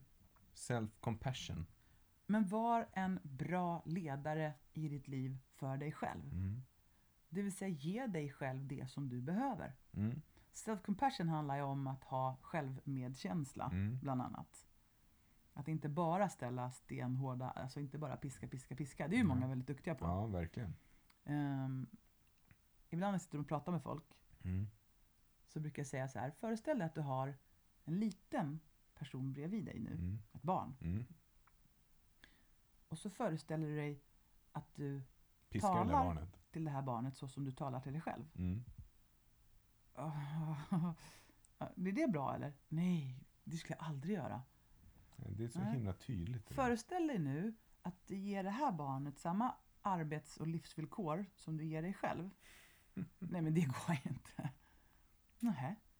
Alltså det är så konstigt vad vi är beredda att göra mot oss själva men, aldrig, men vet om oss. Vi skulle aldrig göra det mot någon annan för det skulle inte gå. Ingen skulle må bra av de här omständigheterna. Eh, att ta zooma ut där och faktiskt ge sig själv schyssta villkor i livet Mm. och ha self-compassion. Var en bra Mm. boss. Mm. Mm. Åtta. Träffa folk. Alltså Kasammet. kasammet, känsla av sammanhang. Att, och det här kan man göra på eh, eh, väldigt konstruktiva sätt också. Om du inte har många vänner så är det ju lyckligtvis så att det finns många människor på jorden. Och eh, då kan man söka sig till grupper. Alltså av den enkla anledningen att få umgås med andra människor. Till Mm. exempel så tycker jag det som är stora saknaden för mig när det kommer till karaten. Mm. Det är gemenskapen i klubben, Ja, dojon. jädrar jag kan förstå vad du menar. För att då träffar man ju människor som man, man behöver inte ha något gemensamt med dem förutom en sak. Det är karaten. Mm. Alla har vita pyjamasar på sig med bälten och Ja. så springer runt och tjoar och simmar. Vad säger Uss! Uss, uss till allting. Mm. Ja. Och det är så himla fantastiskt. Om man får den där äh, rutinmässiga träffen med människor. Det här tror jag är så, så Och viktigt. därför är, tror jag det är viktigt att folk går på sina drejkurser, de går Ja. på sina krokikurser, de går på karaten och de går på ah, vad det nu må vara. För, Bokcirklar, kören, vad fasen som helst. för när man var liten så var det så naturligt att man växer upp i en skola där man har skolkompisar och människor runt omkring. Men sen så sprids ju folk för vinden. Och det är faktiskt vanligare att folk inte har så mycket vänner än att de har massa vänner. Och det är en av de största friskfaktorerna faktiskt. Och det går ju att tillgodose. Mm. Och här måste jag säga en sak. Jag Mm. tror att förr i tiden Mm. så fyllde ju kyrkan en stor roll för Ja. människor. Nämligen att man gick dit och där sågs man. Mm. Och alla i socken, eller man ska säga, var där. Och efteråt så var det kyrkkaffe och det var väl säkert skvaller och allt möjligt. Mm. Men det var någonting, det var ett kasam. Mm. Och det var dessutom en vecko, eh, veckovis Mm. påminnelse om spiritualitet. Så kan man säga. Mm. Ja men lite så. Alltså, vi fick en påminnelse om att stillna, kanske blicka inåt, Mm. Lyssna på någonting som har en, med en högre mening att göra Mm, mm. och vår egen andlighet, andlighet och existens. Mm. Och det där, alltså bägge de två sakerna tror jag att vi saknar. Jag fattar och respekterar att folk inte vill hålla på med religion, Mm. men, men vad ska vi stoppa in istället? Verkligen. Mm. Men det skapar, ja det är det där med syfte då som vi pratade om. Mm. Nummer nio. Det är nästan, om man ska vända på det här så skulle man kunna sätta den som nummer ett också. Ja. Det vill säga, eh, the secret of living is giving. Mm. Ge och ta, att bidra För att du ska må bra, för att människor runt omkring dig ska må bra, för att världen ska må bra, for the greater good. Mm. Alltså att Vi få har ju det här i oss att Ja. vi behöver bidra. få och ta emot, Mm. men det är lika viktigt för oss att bidra. Mm. Att bidra till andra människor är så viktigt. Mm. Och jag, jag tycker faktiskt helt ärligt att i den här världen som alla då säger, ja det är ett tuffare klimat och det är Mm. svårare i världen och vården går på knäna och polisväsendet går på knäna och Mm. klimatet i samhället har blivit hemskare. Då måste var och en jobba stenhårt med att vara en force for good. Mm. Håll upp dörren, säg tack, säg hej, eh, uppmärksamma människor, alltså sprid snällhet, gör saker. Jag blir så jädra glad när jag läser i tidningarna att det är hur många som helst nu som säger jag bjuder på lunch till alla hemlösa och Men, men det är att, att på något sätt tysta eller minska volymen på klagosången. ja, Man vågar ju knappt lägga upp såna här fakta, typ som att nej, Polismyndigheten hävdar att eh, brotten minskar. Våldsbrotten minskar. För då får man en överösning av folk som nej, så är det inte alls. Det, det ökar och allt är skit. mm, Och så hörs den här klagosången högre igen. mm. Så det- jag tänker att ur mm. allting som är riktigt jobbigt och dåligt så Mm. kommer någonting bra att växa fram. Mm. Och jag hoppas så mycket på en snällhetsvåg, Mm. att det ska växa fram. Jag har ett minne från när jag var liten. Mhm. Eh, och du vet på den här tiden när man inte hade mobiltelefoner eller datorer eller internet. Mm. Det var en person på våran gård som hade VHS-bandspelare och de hade så här en eller två stycken filmer. Mm. Eh, ja. Men i alla fall, då sprang man hem till folk och plingade på. Och så sa man så här, hej, ska vi leka? Ja, jag ska bara äta först. Ja, du får sitta här på soffan och vänta. Du får sitta på mitt rum och vänta var det ibland. Ja. Ja, fick man sitta på rummet och vänta medan de käkade middag. Och så bara, vad ska vi göra då? Ja, jag vet inte, kanske ska vi gunga? Ja. Eller ska vi göra goda gärningar? Ja, det gör vi! och så lekte vi några timmar att vi gjorde goda Det gärningar. är så provocerande glättigt. Ja. Men det var ju på riktigt. Ja. Det var liksom på menyn då. På lekmenyn så fanns det burken, eh, gunga, cykla, hoppa hopprep, goda gärningar. Ja, jag ska, ja. Och jag, okej, ska du berätta något mer kring det? Nej men grejen var att då gick vi omkring och gjorde det vi tyckte var goda gärningar. Vi höll upp dörren för folk och vi sa hej till väldigt gamla människor och plockade blommor och la på folks, ja, Ja. sådär. En annan dag så stod vi eh, och visade trosorna för bilarna så det kunde variera lite grann. Men i alla fall, vad skulle du säga? Jo, att eh, det här är ju också så jävla gulligt på något sätt. Ehm, jag var väldigt fascinerad av superhjältar när jag var liten också. Mm. Så att jag och min bästa kompis, vi eh, skapade en superhjälteklubb. Mhm. Där vi var superhjältar. Jag tror att jag var eh, Daredevil, alltså eh, ja, ja, Daredevil i alla fall. Och jag tror att min kompis var Batman. Mhm. Och sen så låtsades vi att vi var de här superhjältarna och hjälpte folk i nöd. Mhm. Det, och vi hade till och med sytt mantlar. Mamma hade sytt mantlar som träffade, sprang omkring. Superhjältar. Jag sa inte att jag var 16, alltså jag var ju ung och liten. Men det var lite gulligt på det sättet, man gjorde sånt. Mm. Det var också så här goda gärningar. Man kanske eh, upptäckte någonting som var lite tokigt eller någonting som höll på att gå åt skogen och så hjälpte man till med det. Eller något litet barn som hade sprungit vilse så hjälpte man till med det. Ja, och jag tror på riktigt att man kan ta Mm. med sig det här. Därför Mm. att man har läst hur många som helst om att eh, en person blev misshandlad och 20 personer stod och tittade på och låtsas Mm. som att de inte såg någonting. Mm. Och jag tror att om var och en Mm. tänker till och Mm. agerar. Mm. Om man ser någon som verkar må dåligt, fråga. Mm. Kan hjälpa dig på något sätt. Eh, Mm. Kan man hålla upp dörren för någon? Kan man säga hej till någon? De här små, små grejerna som vi faktiskt har inom oss att göra. Jag tror att om man verkligen börjar göra det så kommer det att sprida sig.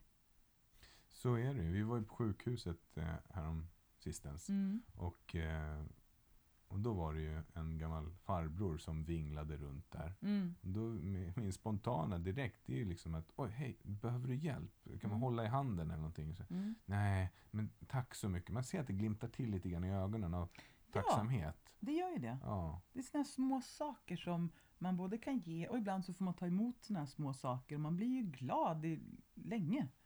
Så Faktiskt. hur kan du sprida positiva cirklar? Mm.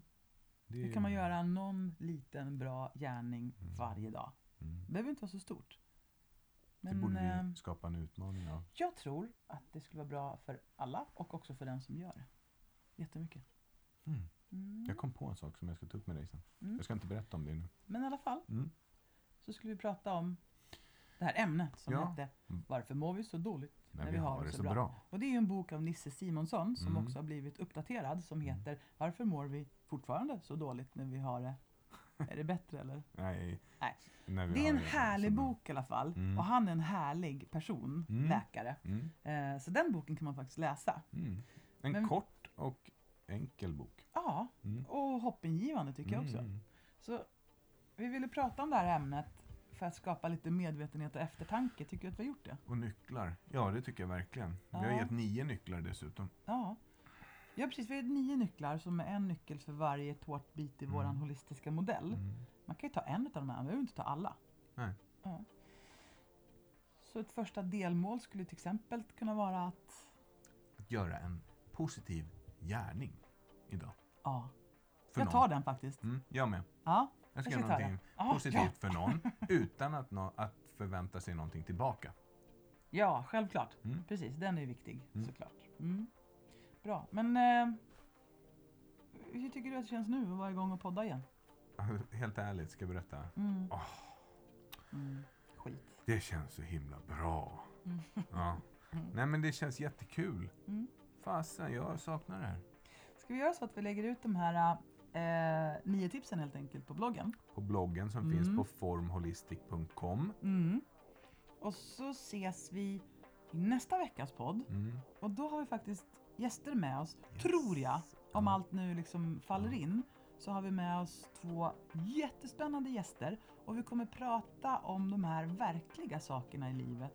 Och när livet ger en håll käften-utmaningar, Ja. hur gör man då för att ändå behålla glädjen och nyfikenheten? Det är intressant. Mm. Det, det, det är ju saker som vi faktiskt har fått träna på senaste tiden också. Mm. Eh, det är jättekul för att vi har flera gäster på kö Mm. in till podden som är väldigt intressanta. Så jag skulle verkligen uppmana er lyssnare att fortsätta lyssna och se till att eh, följa oss på alla våra kanaler. LinkedIn är en kanal där ni kan både följa Form, Form Holistic men ni kan också följa mig till exempel, Nicola Tramontana på LinkedIn.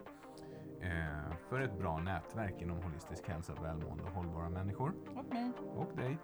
Och eh, sen är det på Instagram, att formholistic. Och sen har vi våran Facebook-kanal också. Och skriv frågor till oss. Fråga saker som ni undrar över. Eller hur går det här med coaching till? Hur börjar man? Och vill ni anlita oss som föreläsare så är vi mer än gärna öppna för förslag där. Vi har också halvdagar inom det här med holistiskt ledarskap som man kan börja med. Där man har en halvdag där vi både bjussar på föreläsningar och föredrag och det blir coaching och det blir såklart fysisk aktivitet också. Mm. Mm. Mm. Så Great! Härligt. Du, vi ses igen om en vecka. Ja, det gör vi. Ja. Hej då! Hej då!